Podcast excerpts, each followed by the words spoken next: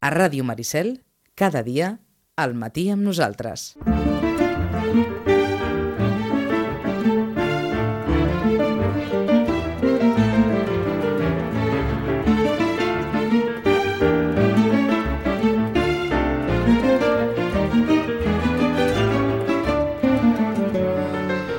En eh, no ficció en català, número 1, Fèlix Millet, el gran impostor. Número 2, l'art de no amargar-se la vida. Què els sembla? Una bona combinació per estar en el primer i en el segon lloc de llibres d'assaig de no ficció en català més venuts. Anem, però, en els llibres de ficció de Rafael Nadal.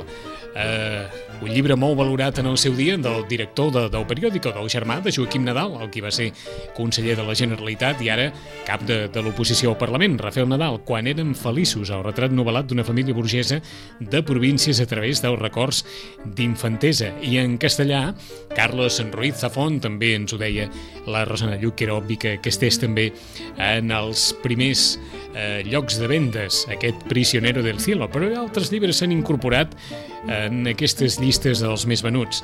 En fem un repàs i, com sempre també, li demanem a la Rosana Lluc unes quantes consideracions, uns quants suggeriments sobre aquells llibres que creu que val la pena llegir. Rosana, bon dia i bona hora. Hola, molt bon dia. Aquí, com qui no vol la cosa, 29 de febrer, 29. 29 de març i ja estarem a Sant Jordi amb, amb no res, eh? Exactament, exactament, que és això el que, el que els, els editors ja, ja esperen. Ja esperen Estem, estem segurs que sí. I no sé si el deuen esperar encara més aquest any que l'any passat. Mm, sí, és que l'any passat, si te recordes, era una data eh? Molt complicada. molt complicada, molt complicada. Els editors d'aquest any esperen que, com que és un dia laborable, és un Mhm. dia... No hi ha Setmana Santa ni Pasqua pel mig. Ah, exacte, sí, creuen que es farà més festa. Mm? Doncs, I per tant, Eh? Per llibres no serà, eh? O per bons llibres no serà. Exactament, aquest any per llibres no serà, eh? Perquè n'hi ha molts, molts. La Em, veritat és que molts. Havíem parlat mai, a, a mi m'ha cridat molt en, que s'ha incorporat en la llista de, dels, de les novel·les en català més, més venudes, em sembla que no n'havíem parlat, L'avi de 100 anys que es va escapar. No, perquè era, és una novetat. És una novetat. És una novetat molt recent i l'avi que es va escapar per la finestra i, i se'n va anar. Eh? La veritat és que ha estat un, bé, un èxit. Eh? La portada és del més curiosa, la portada és molt divertida ja i ja t'anuncia el que pot ser el llibre, no? Un avi, un retrat d'un avi, així que s'està mirant a la càmera amb un pijama, un pijama o diguem-li com un mono, eh? Una mena de barnús o alguna cosa Exacte, així? fet de barnús, no? Però tot com si fos un mono, saps? I així amb una cremallera uh, de color rosa. Mm? Ella sota també porta una camisa de color rosa i corbata i amb un, bé, com un, d'això, que té aquí com un petardo així en plan gran a la, a la butxaca. Eh? Mhm. O sigui, ell està seriós, però ja es veu que té alguna cosa amagada darrere. O sigui que encara que ens vingui aquesta novel·la dels països nòrdics, això no és una novel·la de misteri ni policia, que no, ni res no, no, d'això, no, eh? No, no, la veritat és que no, vull dir, és allò, una novel·la divertida, mm? uh, bueno, és que l'avi fa 100 anys i potser ja n'està fart, i llavors decideix escapar-se, eh? Està, va vestit com un... La veritat que que porta el traje, porta les pantufles, eh, bueno, puja una finestra i es fuga d'aquella residència que, que estava. Eh? Eh, allà hi deixa plantats pues, a tothom, a la premsa, l'alcalde, tothom els que l'esperaven per celebrar això, que l'avi celebrava 100 anys i això era una cosa doncs, per celebrar-ho, no? Se'n va cap a l'estació d'autobusos, Mhm. mm, bé, i mentre espera el primer autobús, algú ja li demana que vigila la seva maleta, eh? Clar, a- a- l'autobús arriba, el, el noi encara no ha tornat i està mirant la maleta, mm, bé, i llavors ell agafa i, i se'n va amb la maleta. Eh, llavors, el que no sap és que hi porta la maleta, eh?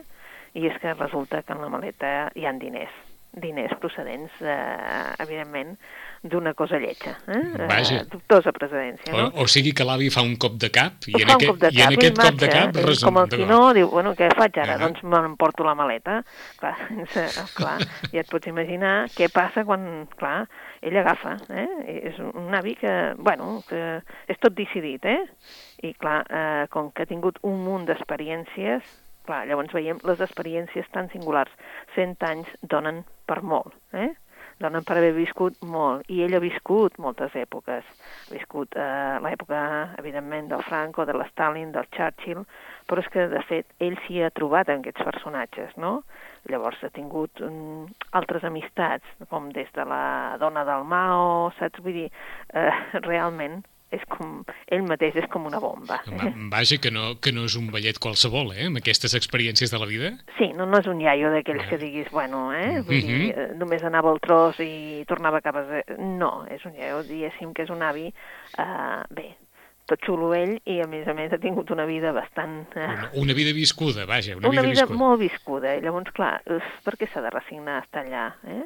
Ja n'ha fet 100, doncs que ell pel que li queda, decideix que farà el que voldrà i agafa i se'n va i deixa de celebracions i d'estar-se a la residència.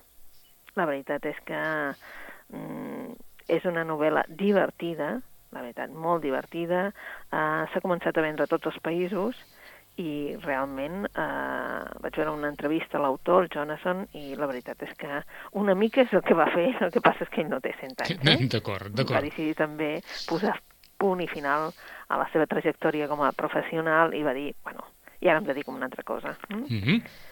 És una novel·la això, eh? divertida, molt de sentit d'humor, eh, és un avi sense prejudicis, un avi que ha decidit que pel que li queda doncs, prefereix doncs, el plaer de viure, que no, i potser no cal viure tant, sinó, perquè ara ja en té 100, eh? viure sinó millor. viure molt intensament. D'acord.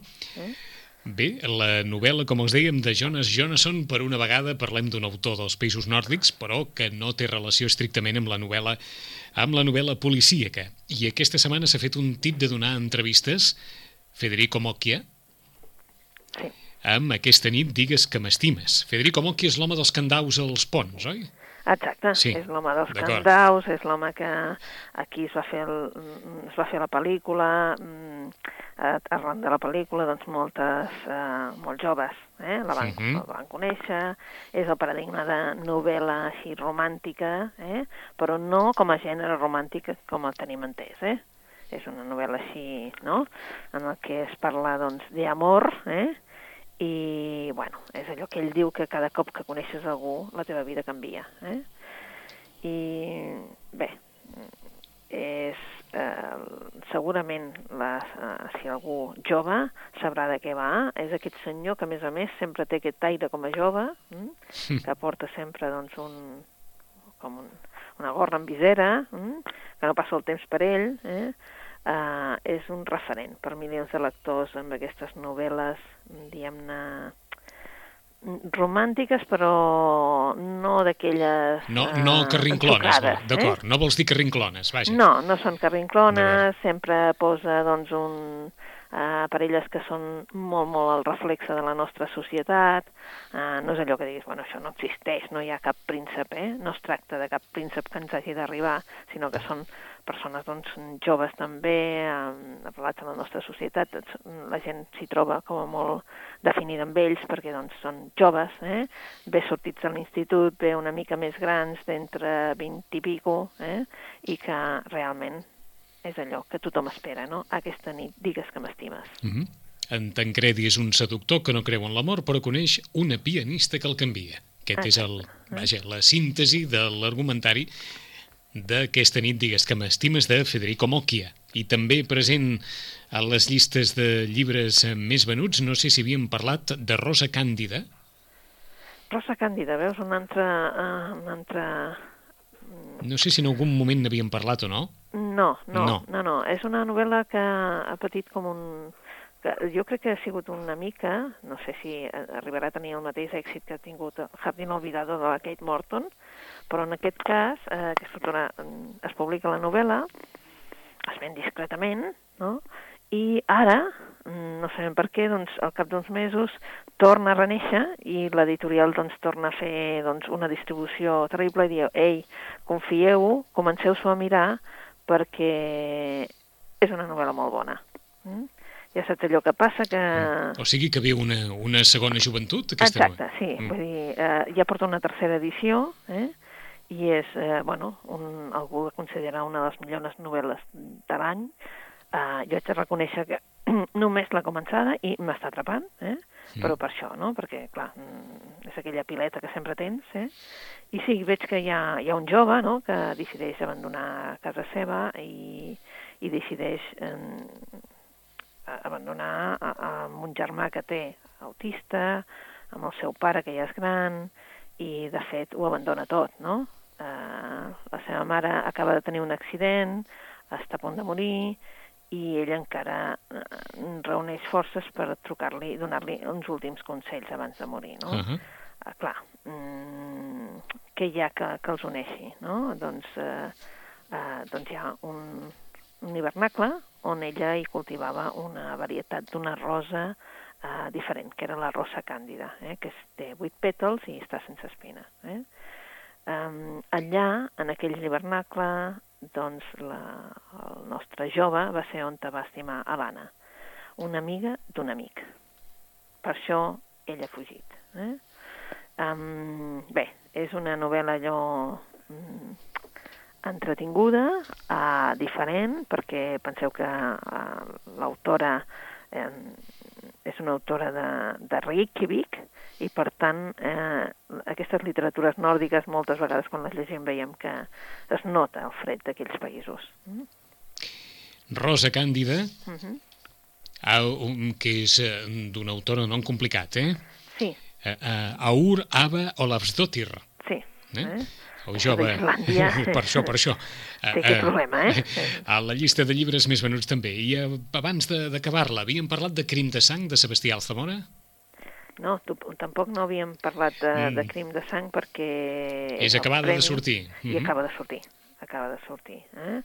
Uh, S'haig de dir que té una, una portada impactant, una portada que a mi em costa perquè és un, com a, així com molt negra, mm -hmm. però és una història que suposo que Uh, aquesta vegada, uh, a part de ser el Premi Sant Jordi, el que sí sabem és que l'Altamora ja té un públic mm? i, per tant, segurament serà el Sant Jordi pel Sant Jordi. Eh? D'acord. És que quina, quina història, però, eh? Un capellà marista i un nen de 7 anys apareixen assassinats a la Barcelona del 1936. Sí, sí.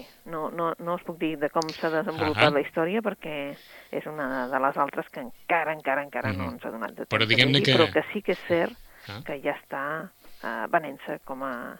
Eh? Per això que et deia, no? Que. A vegades un també busca aquells autors que, que sap que li agraden. Mm. Creus, però, que serà un llibre per Sant Jordi, eh? Sí, D'acord. Sí, sí, doncs sí. Crim de sang de Sebastià Alzamora. I dos més, d'una forma molt, molt ràpida, eh, s'ha notat la, no sé si dir, eh, roda de premsa o expressió pública d'Aranxa Sánchez Vicario per la presentació del seu llibre? Aquest Vamos d'Aranxa Sánchez Vicario s'està venent? la mm. primera edició va ser com un vist i no vist. D'acord. Vull dir, es va, ser es va... horrorós. D'acord. Eh? Perquè, esclar, ningú no estava allò, no? Mm. ningú preveia que un llibre de l'Aranxa Sánchez Vicario, no? I a més, quan no saps ni què diu, ni, ni l'has tingut mm -hmm. als mans, ni saps de res, que pugui, doncs, un llibre d'una tenista, que més ja està retirada, etc que pugui, doncs, i realment va ser un Ramon Boris. Sí. D'acord. Sí? Ens posem en una altra divisió, el tercer volum de les memòries de Jordi Pujol? Aquest s'està venent molt. Aquest s'està venent molt. Sí, jo crec que aquest serà un dels llibres també per Sant Jordi. Uh mhm. -huh. Serà un dels llibres de Sant Jordi, sí, perquè, a veure, um, ja va ser un èxit el primer, s'ha de reconèixer, el segon també, i ara, és clar, doncs és, suposem, clar, és el darrer volum, uh, jo crec que uh, és un volum interessant, hi ha uns anys també bastant, uh, ell ja retirat uh mhm. -huh. una mica, però de fet, ha d'explicar encara moltes coses i suposo que aquí doncs, la gent va buscar doncs, el tercer volum d'això que ell ens havia d'explicar. D'acord. Per tant, entre el públic que ja havia comprat els dos volums anteriors, sí, ja hem de suposar la, la gran quantitat de compradors d'aquest tercer volum, no? Sí, és que la veritat és que, clar, això depèn dels, dels llocs, però jo crec que és un dels llibres més venuts en aquest moment, és per mi, és el, el d'en Jordi Pujol. El d'en Jordi Pujol, més que el de Fèlix Millet. Doncs, més que el de Fèlix Millet, creus? Sí, sí, sí, molt, sí. molt més. S'ha perdut una mica el gas ja d'això de, de Fèlix Millet, no? Sí. Sí, s'ha sí, perdut sí, una mica el gas. Bueno, no? Sí, sí, sí, com que gairebé diríem que ell fa vida normal. Ah, que I, ell fa vida normal, la gent doncs... tenim poca memòria, o, o diem, bueno, ja ho hem, hem llançat la tovallola, tampoc no, potser de vegades tampoc no volem saber ja tant, perquè no. diem prou. O, o ja en tenim prou, sí. Ja en tenim prou. Doncs eh? encara que aparegui la llista de llibres de no ficció en català com el llibre més venut, Fèlix Millet o Gran Impostor, la Rosana en diu, ens diu que aquest tercer volum de les memòries de Jordi Pujol s'està imposant en la llista dels, dels més venuts d'assaig. Anem per les recomanacions de la Rosana. Per on comencem? Mira, doncs jo començaria per un llibre que, que m'ha agradat molt, que us ho vaig a dir, m'ha agradat molt. Uh, és un llibre d'un autor gens conegut, gens, eh? perquè en definitiva és la primera obra que, que se li publica. Però hi han confiat dos, dos editors alhora.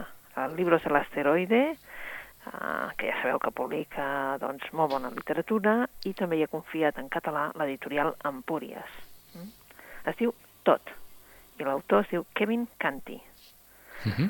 mm, és una novel·la situada, diguéssim, a Amèrica, l'Amèrica de entre Seattle i una mica més avall cap a, cap al, cap a, diguéssim, la zona de rius i també és una Amèrica, eh, diguem-ne, amb poca vivacitat, perquè és una Amèrica que la gent viu, mm, en aquest cas el nostre personatge és l'RL, que és el pare d'una noia adolescent quasi ja universitària, perquè ella comença a anar a la universitat a Seattle, uh mhm. -huh. i eh, ell té una botiga de pesca i es dedica també a que quan venen, eh, diguéssim, foranis, doncs, a fer doncs, escapades cap al riu, passejos cap al riu, els ensenya a pescar, etc etc.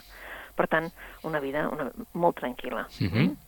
eh, quan es planteja ell si és bon pare o no bon pare, ja veu que no ho ha estat, perquè sí que la veritat ha hagut de pujar ell a la seva filla, perquè té una exdona, la Dawn, que apareix en la novel·la com una dona que ha anat i vingut de la seva vida, sempre hi ha tingut relació, però en definitiva eh, se'n va anar amb una altra persona ja fa molts anys i diem-ne que de la filla, vull dir, l'ha volgut quan ha volgut, però que no, no se n'ha volgut fer càrrec, no?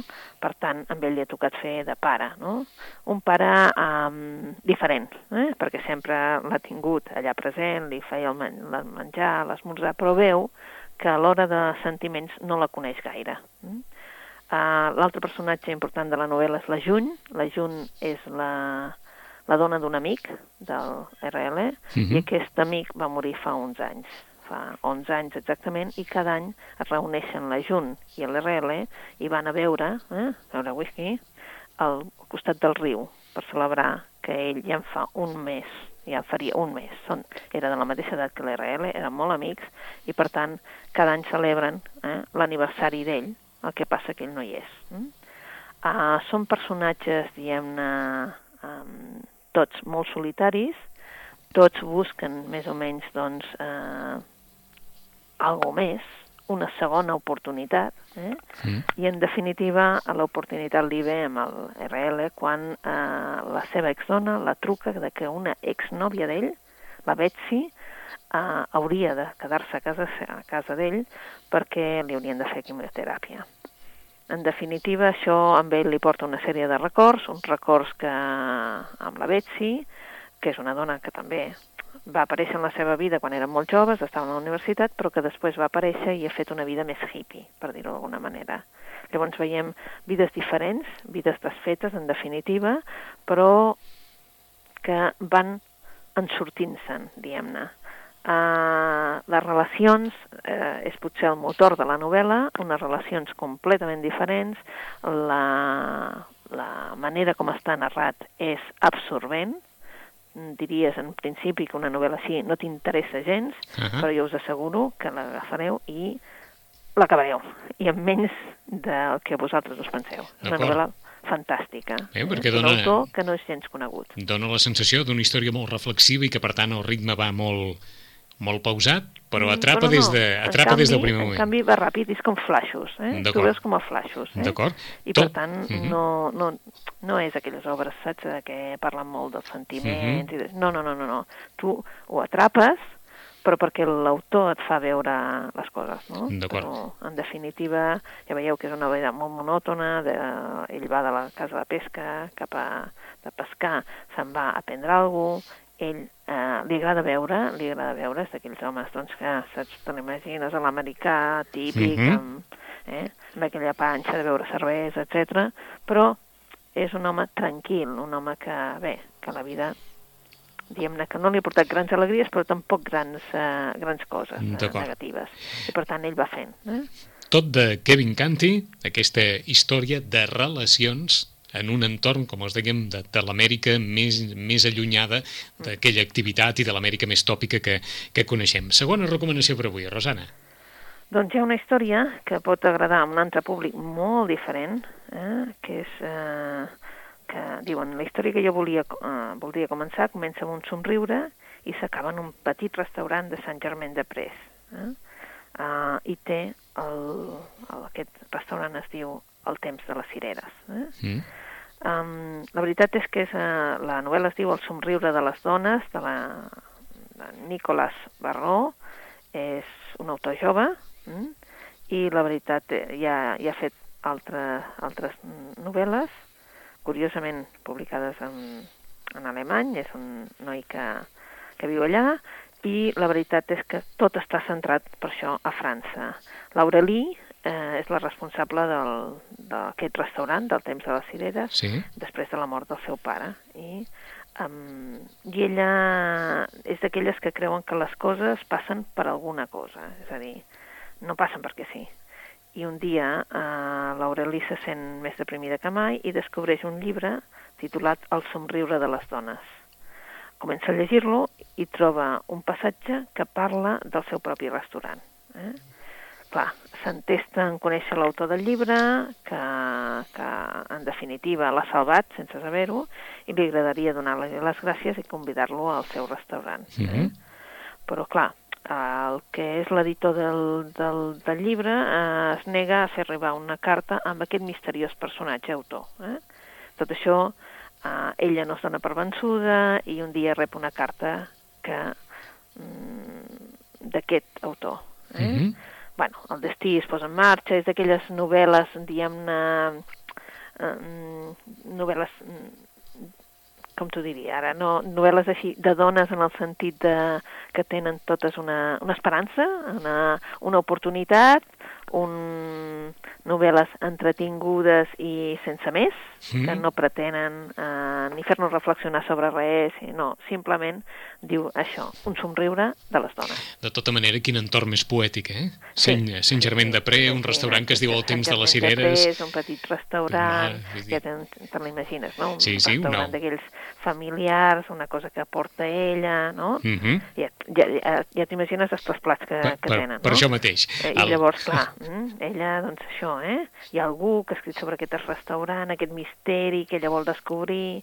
Bé, Mhm. vaja, que veus quasi quasi una pel·lícula. De Nicolàs Barró, El somriure de les dones, una altra de les recomanacions de la Rosana, i tenim temps just per una més, Rosana. Per una més, doncs eh, mm, jo us diria que hi ha una reflexió sobre, sobre els llibres i sobre el fet de la lectura de l'Àngel Gabilondo, que es diu Dar-se a la lectura. En aquest cas, el dar-se a la lectura no és, evidentment, ni un assaig, ni és una novel·la, és simplement una sèrie de narracions Estem parlant de l'exministre, eh, Rosana? de l'exministre, sí, el Ahà. germà de l'Iñaki Gabilondo. Gabilondo, sí el ministre, l'exministre d'Educació, vaja. de l'exministre d'Educació, Mhm. que ara ha tornat a la seva professió, que és eh, catedràtic a la universitat, no sé si en quina, però eh, ell ha tornat a la seva, a la seva feina, que era Sí. Fer de professor. No? Però és una persona que sempre ha estat eh, molt interessada en el valor de la paraula, en el valor de la lectura, ja han escrit diversos de llibres sobre el tema, i aquesta vegada amb aquest dar-se a la lectura és eh, com a petites reflexions, diguem-ne, d'alguna manera, eh? no pas un assaig, eh? és petites reflexions que fa ell sobre el tema de la lectura, Mhm. de com llegir, de com llegim, de les coses que ens fan llegir, mm, de per què eh, el llegir és escollir, perquè estem escollint una activitat, eh, què ens reporta el llegir, um, des de què necessitem o sigui, què és la nostra tauleta de nit, què entenem nosaltres per tauleta de nit, Uh -huh. què entenem nosaltres quan diem que, que hem d'acabar amb aquella batalla de si eh, llegir digital o llegir en llibre Mm. mm, és una batalla. La Vaja, que el- Llegir, Els lectors habituals hauran trobat el seu alter ego en aquest, en aquest llibre, eh? sí, Que... Sí, perquè a més a més ell eh, reivindica un tipus de, de llibre també, eh? és a dir, necessites llibres ben editats, Sí. eh? amb el seu marge, eh? amb Mhm. el seu cos de lletra eh, correcte perquè es vegi bé. Ara no acabaríem, però ahir que es va donar a conèixer a través del diari Ara que la, bé, que, que en aquest cas la delegació de Paidon a Espanya ha plegat i així s'ha s'ha anunciat que tanca la, la sucursal de, de Paidon, que és una de les editorials que tenia, diguem-ne, en, el, en els llibres de qualitat o en les edicions de qualitat, una, una de les seves eh, fites, un dels seus objectius, doncs ha tancat la, la seva sucursal a Espanya, o sigui que, que, que precisament allò sobre la taula el, el valor del, del llibre objecte i de les edicions de qualitat i la vida real també, no? Sí, Mhm. exacte. Que- mare de Déu. Vist des de- d'aquesta manera. Eh? vist des d'aquesta manera. Dar-se a la lectura d'Àngel Gabilondo, l'exministre, doncs, eh, aquells que moltes vegades els poden preguntar per què llegeixen, doncs bé, doncs aquí tot un rosari dels per quès i dels coms i dels escenaris de molts dels lectors habituals. D'Àngel Gabilondo, Dar-se a la lectura, de Nicolás Barró, El somriure de les dones, i de Kevin Canti, aquest tot, que també ens ha recomanat la Rosana avui. En 15 dies hi tornem, Rosana, fins d'aquí 15 dies. Fins aquí, d'aquí 15 dies i amb moltes més lectures. Esperem que sí. Bona setmana, adeu-siau. Ràdio